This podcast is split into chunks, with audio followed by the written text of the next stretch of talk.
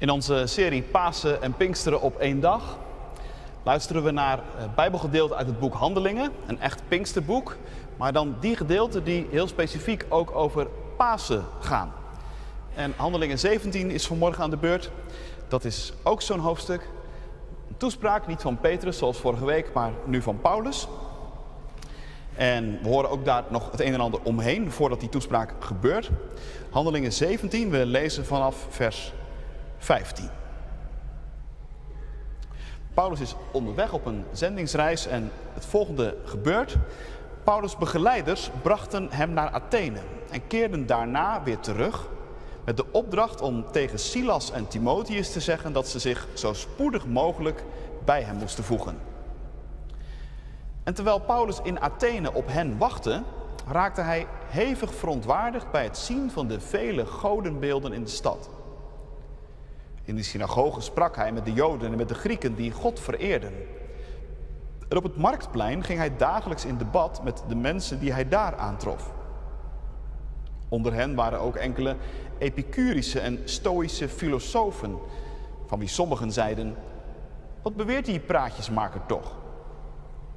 Anderen merkten op: Hij schijnt een boodschapper van uitheemse goden te zijn omdat ze dachten dat hij predikte over Jezus en een godin die opstanding heette.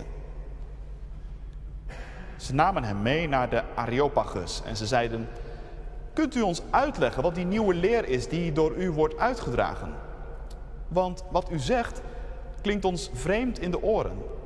We willen graag weten wat u bedoelt. Alle Atheners en de vreemdelingen die er wonen hebben immers voor haast niets anders tijd dan voor het uitwisselen van de nieuwste ideeën. Paulus richtte zich tot de leden van de Areopagus en hij zei: Atheners, ik heb gezien hoe buitengewoon godsdienstig u in ieder opzicht bent. Want toen ik in de stad rondliep en alles wat u vereert nauwlettend in ogenschouw nam, ontdekte ik ook een altaar met het opschrift aan de onbekende God. Wat u vereert zonder het te kennen, dat kom ik u verkondigen. De God die de wereld heeft gemaakt en alles wat er leeft. Hij die over hemel en aarde heerst, woont niet in door mensenhanden gemaakte tempels. Hij laat zich ook niet bedienen door mensenhanden alsof er nog iets is dat hij nodig heeft. Hij die zelf aan iedereen leven en adem en al het andere schenkt. Uit één mens heeft hij de hele mensheid gemaakt, die hij over de hele aarde heeft verspreid. En voor elk volk heeft hij een tijdperk vastgesteld en hij heeft de grenzen van hun woongebied bepaald. Het was Gods bedoeling dat ze Hem zouden zoeken en Hem altastend zouden kunnen vinden, aangezien Hij van niemand van ons ver weg is. Want in Hem leven wij, bewegen wij en zijn wij. Of, zoals ook enkele van uw eigen dichters hebben gezegd, uit Hem komen ook wij voort. Maar als wij dan uit God voortkomen, mogen we niet denken dat het goddelijke gelijk is aan een beeld van goud of zilver of steen. Het werk van een ambachtsman door mensen bedacht. God slaat echter geen acht op de tijd waarin men hem niet kende, maar roept nu overal de mensen op om een nieuw leven te beginnen. Want hij heeft bepaald dat er een dag komt waarop hij een rechtvaardig oordeel over de mensheid zal laten vellen, door een man die hij voor dat doel heeft aangewezen. Het bewijs dat het om deze man gaat, heeft hij geleverd door hem uit de dood te doen opstaan. Toen ze hoorden van een opstanding van de doden, dreven sommigen daar de spot mee. Terwijl anderen zeiden, daarover moet u ons een andere keer nog maar eens vertellen. En zo vertrok Paulus uit hun midden. Toch sloten enkelen zich bij hem aan en aanvaarden het geloof onder wie ook een Areopagiet, Dionysius, en een vrouw die Damaris heette, en nog een aantal anderen.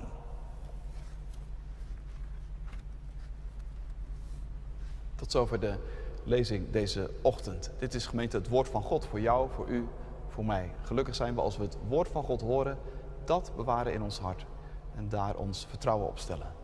Halleluja. Amen. thema van de verkondiging: Pasen, de dialoog, de dans en het duel. Dat heb ik niet helemaal zelf bedacht. Er verschijnt deze week een boek met deze ondertitel. Het zat een beetje in mijn hoofd. En toen ik met Handelingen 17 bezig was, dacht ik: het is eigenlijk precies wat hier gebeurt.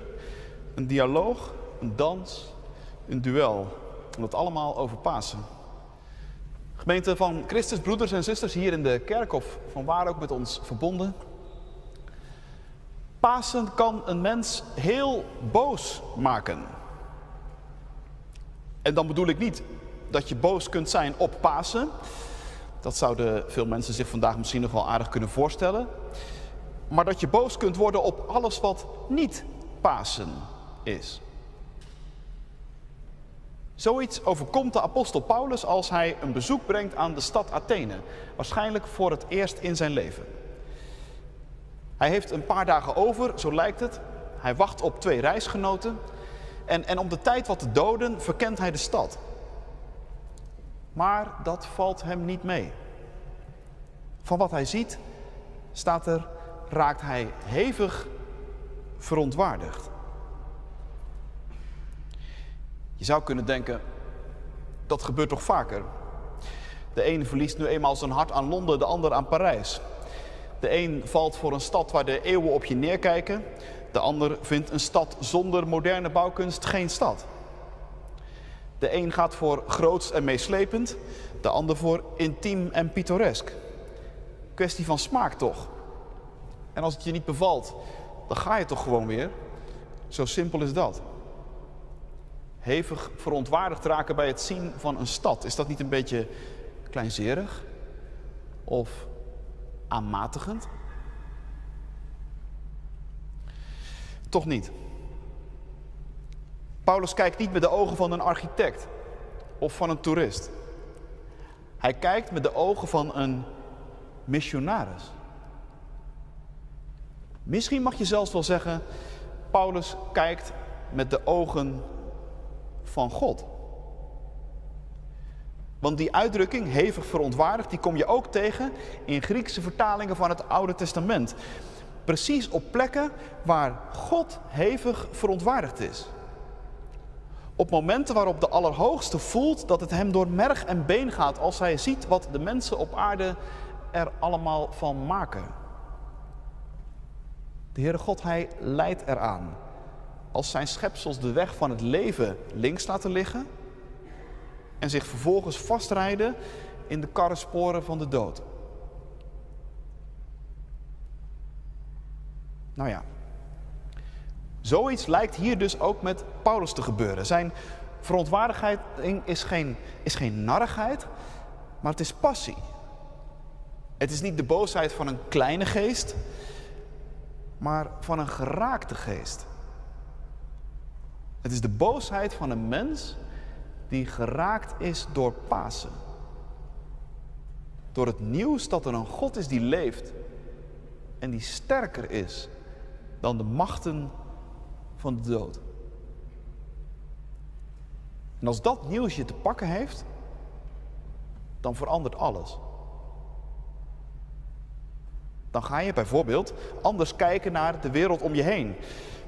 Als het nieuws over de levende je geraakt heeft in het hart van je bestaan, dan, dan valt ineens op hoeveel, hoeveel doodsheid en hoeveel dooiigheid er eigenlijk om je heen is.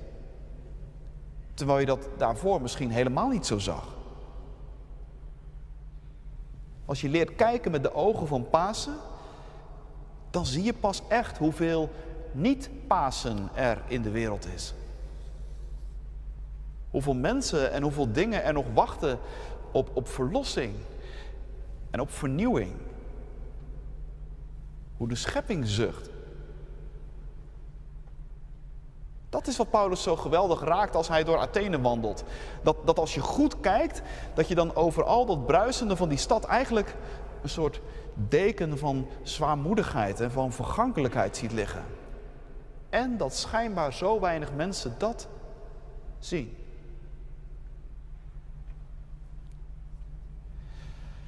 Even tussen haakjes. Hoe fiets jij eigenlijk door onze stad? En wat zie jij dan? Wat ziet u? Wat zie je niet? En heb je wel eens bedacht hoe dat samenhangt met de ogen waarmee je kijkt?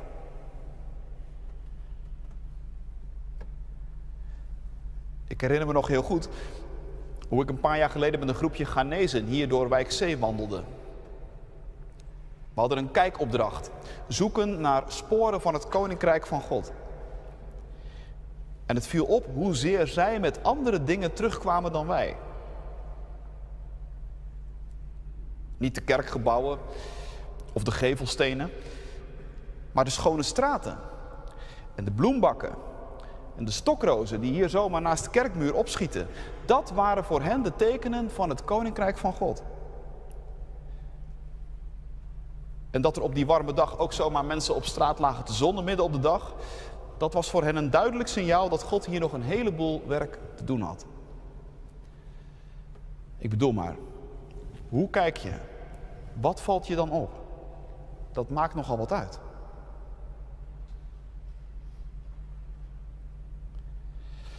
Het lijkt erop alsof Paulus dat soort vragen ook gaat stellen aan de mensen in Athene. Na zijn eerste woede heeft hij zich wat herpakt. Boosheid is tenslotte niet altijd de meest constructieve emotie.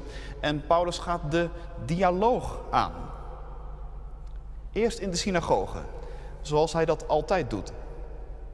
En daar treft hij Joden en Grieken, staat er, die in God geloven.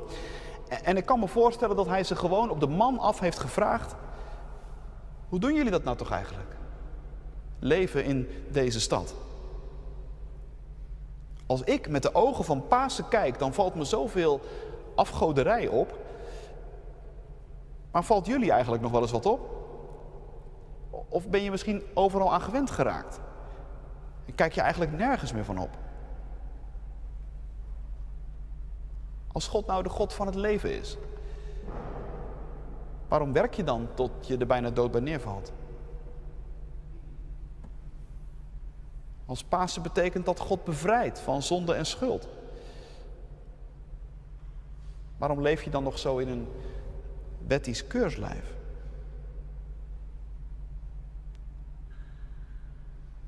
Dat soort type vragen. Ik kan me zomaar voorstellen dat het gesprek tussen Paulus en die mensen in die synagoge daarover ging. En je merkt, Pasen nodigt dus uit tot een dialoog. En die dialoog die begint dus bij de mensen die God al kennen. Het is dus eerst een intern gesprek. Dat is wel even echt iets wat opvalt hier. En ik dacht ook maar meteen even naar ons toe. Het gesprek over Pasen begint dus telkens weer opnieuw in de kerk. Laten we er niet al te vanzelfsprekend van uitgaan met elkaar dat we wel weten wat Pasen betekent. En wat de kracht van de opstanding allemaal wil bewerken in en onder ons. En laat het ook hier onze diepste drive zijn in alles wat we ondernemen en doen. Dat we ernaar verlangen om te leven vanuit Pasen. Dat de kracht van de opstanding hier onder ons gebeurt. En als je je dan een keer ergens boos om maakt, laat het dan zijn omdat je, omdat je verlangt naar een nog diepere doorwerking van Pasen onder ons.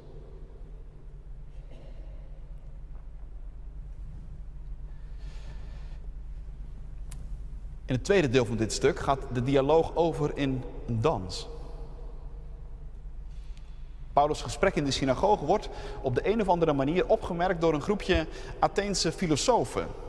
En met een soort mix van irritatie en interesse, verbazing en nieuwsgierigheid wordt er naar Paulus geluisterd. Waar heeft deze man het over? Jezus? Pasen? Opstanding? Is dat misschien een godin die wij nog niet kennen? Missen we Anastasis nog? Prachtige naam trouwens. Missen we die nog in ons pantheon? Ja, en dan gaat alles ook even heel snel, want Paulus wordt meegesleurd naar de Areopagus, de centrale plek in de stad, en hij wordt daar meteen op een zeepkist gezet. Veel andere keus lijkt hij niet te hebben. En daar staat hij dan. Zomaar. Onverwacht midden in Athene. Vertel maar, roepen de mensen die om hem heen samendrommen. U schijnt iets nieuws te melden te hebben. Iets dat ons nogal vreemd in de oren klinkt. Kunt u, kunt u er iets meer over vertellen? Een goede vraag. Hoe doe je dat? Hoe ga je nou het gesprek aan met iemand die, die iets meer wil weten over jouw diepste overtuigingen, over wat jou drijft? Terwijl je tegelijk ook weet dat, dat diens geestelijke kompas heel anders georiënteerd is.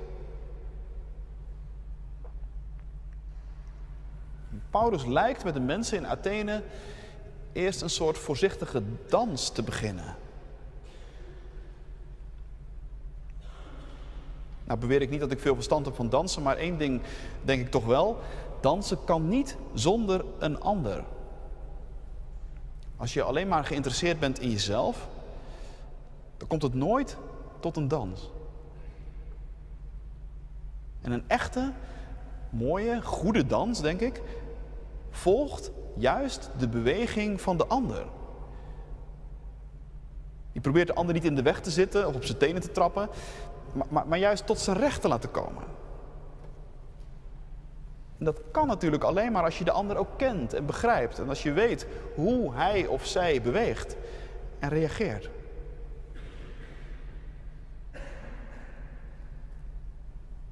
Het valt op in dit stuk hoeveel je tussen de regels door te weten komt over de dynamiek in zo'n stad als Athene.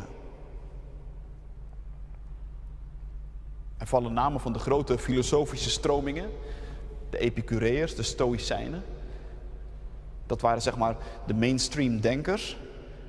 Dat waren zij die een kijk op het leven vertegenwoordigden, die, die door de meeste mensen eigenlijk min of meer vanzelfsprekend werd gevonden. En waar eigenlijk amper vragen bij werden gesteld. Zoals in elke cultuur voorkomt. Het waren, het waren de zevenvinkers, zeg maar, die zich over weinig hoeven te verantwoorden. En tegelijk, tegelijk haal je ook uit dit stuk dat het onder de oppervlakte broeit in Athene. Want, staat er, Atheners willen niets anders horen dan nieuwe dingen. Ja, dat was ook wel begrijpelijk, las ik ergens. Want Athene is, als Paulus daar rondloopt, al over zijn hoogtepunt heen. De grote glans van vroeger, die is er al af. Athene is een stervende cultuur. En dan wil je natuurlijk graag iets nieuws horen, toch? Een nieuw, een groot, een meeslepend verhaal. Iets dat je weer iets geeft om voor te gaan. Herkenbaar. Alsof het over ons gaat, dacht ik.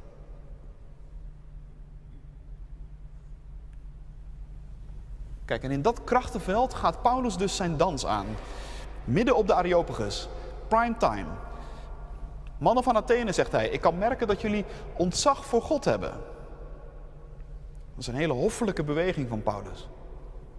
Hij kijkt eerst naar wat hij ziet in de stad. Overal in jullie stad wemelt het van de heiligdommen en van de religieuze verwijzingen. Tot en met een altaar voor de onbekende God toe. Nou, daarover wilde ik het nu net met jullie even gaan hebben. Over die onbekende. In wie jullie geloven zonder dat je hem kent.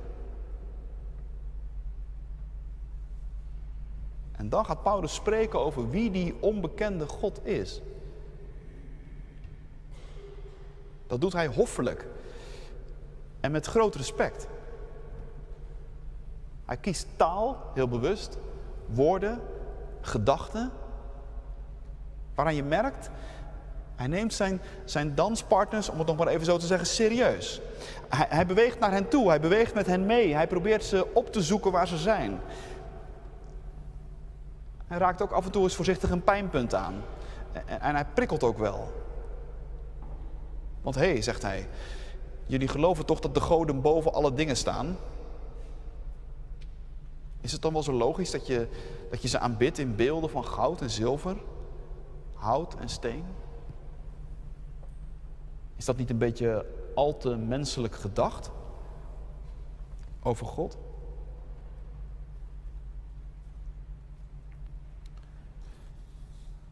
Over deze uitspraak, toespraak van Paulus wordt tot op de dag van vandaag nagepraat. En, en uitleggers van dit hoofdstuk staan soms een beetje lijnrecht tegenover elkaar. Want sommigen vinden dit een, een schoolvoorbeeld van hoe het eigenlijk altijd zou moeten. Het gesprek met anderen over de betekenis van Pasen, zie je wel, zeggen ze, Paulus zoekt eerst naar een stukje gemeenschappelijke grond. Je voelt hoe hij aansluit bij de gevoelens en de gedachten en de verlangens van mensen.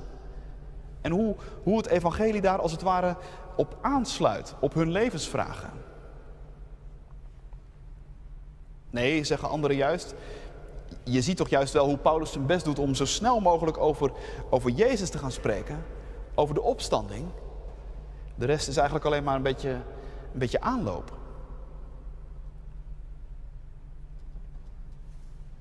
Ik denk, dat is nog steeds een heel actuele vraag en een actueel spanningsveld.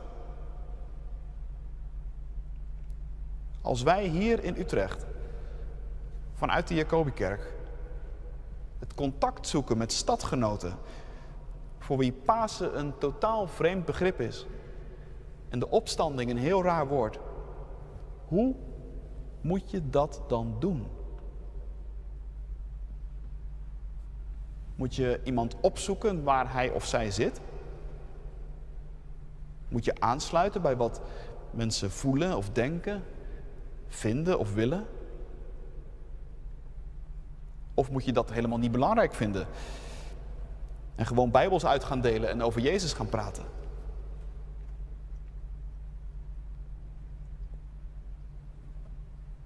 Sommigen van ons bekijken onze eigen missionaire inspanningen toch een beetje met argwaan. Want gaat het daar wel genoeg over Jezus?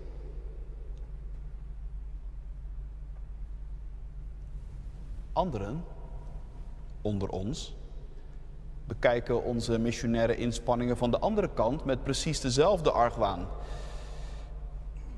Want zij zien de enorme spraakverwarring in onze tijd als het gaat over God, over Jezus, over het kruis en de opstanding. De enorme kloof die er tussen mensen kan zijn. En ze vragen zich af hoe gaat het ooit goed komen? Zijn er niet een heleboel kleine tussenstapjes nodig voor we het ooit met elkaar over Jezus kunnen gaan hebben?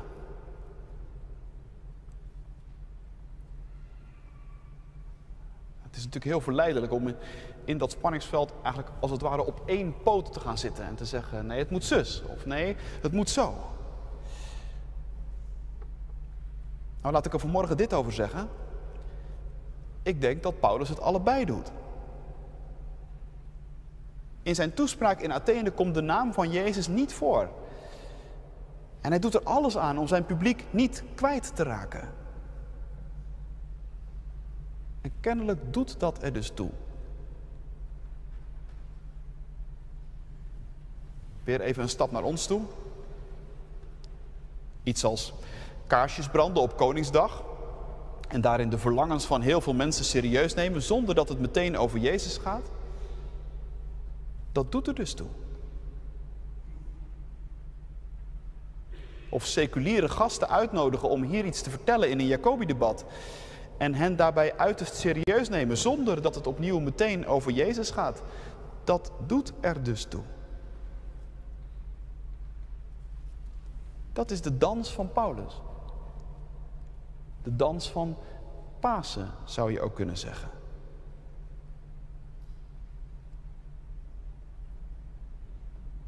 Maar diezelfde Paulus, die schrikt er niet voor terug als de dans toch ineens overgaat in een duel. Dat gebeurt namelijk aan het einde van het stuk. Paulus, hij probeert zijn danspartners zover te krijgen dat ze over de opstanding gaan nadenken. Maar dat is voor de meeste van hen te veel gevraagd.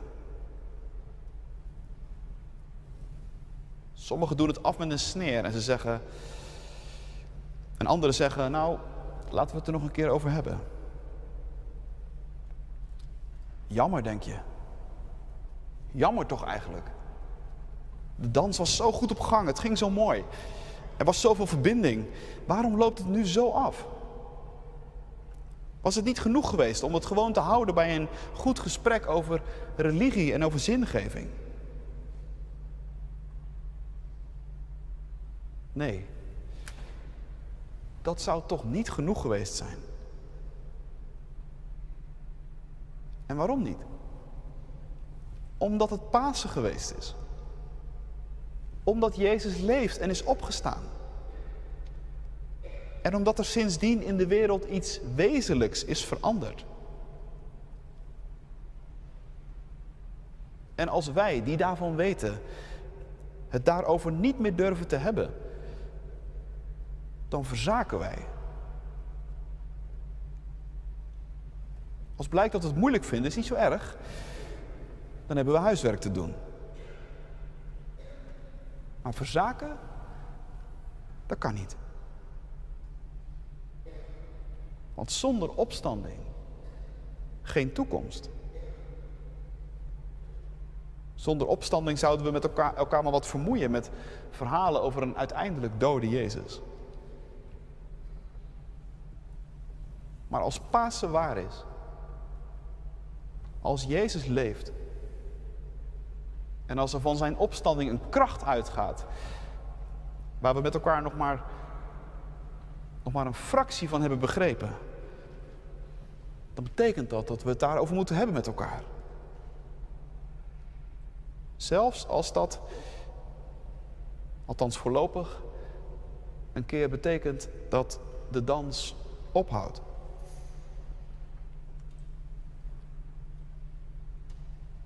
Want Pasen zou je kunnen zeggen is immers zelf ook een duel. Pasen is een machtig gevecht.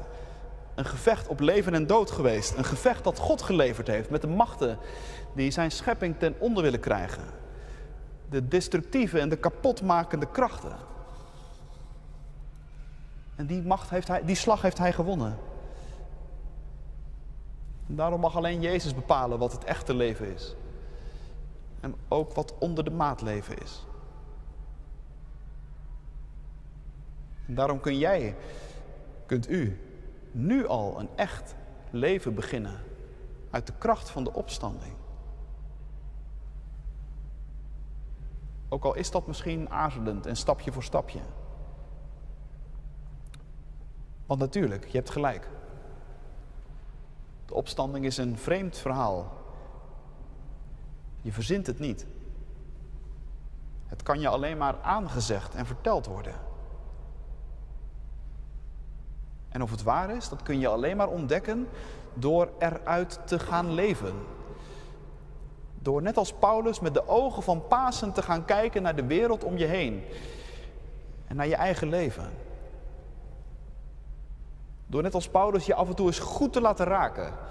Gepassioneerd kwaad te worden de dialoog te zoeken, de dans aan te gaan en het duel. Want hé, hey, er staat iets op het spel. Het gaat om het leven. Het gaat om de toekomst. Het gaat om de opstanding.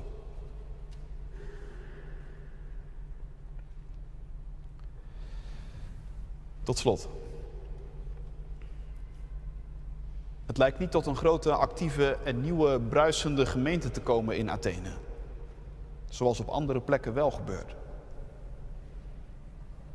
In het duel over Pasen blijven de meeste Atheners gebruik maken van de vrijheid die God hen geeft om nee te zeggen tegen Pasen. Liever de dood dan de doop voor hen, zo lijkt het. En dat is natuurlijk heel pijnlijk en verdrietig en zonde. Maar is dat een reden om de dialoog en de dans dan maar helemaal niet aan te gaan? Met je collega's? Met je vrienden? Met je kinderen? Met onze stadgenoten? Met je partner? Integendeel. Zelfs in Athene harde grond voor Pasen, zijn er mensen die door het vreemde verhaal van de onbekende God worden geraakt. Twee krijgen er zelfs een naam aan het einde van het stuk: Dionysius en Damaris. Zij worden in Athene de eerste getuigen van Pasen. En inmiddels weten wij dat zij lang niet de laatsten geweest zijn. Dat is denk ik de grootste kracht van de opstanding. Dat zelfs het ongeloof Pasen niet ongedaan kan maken. Amen.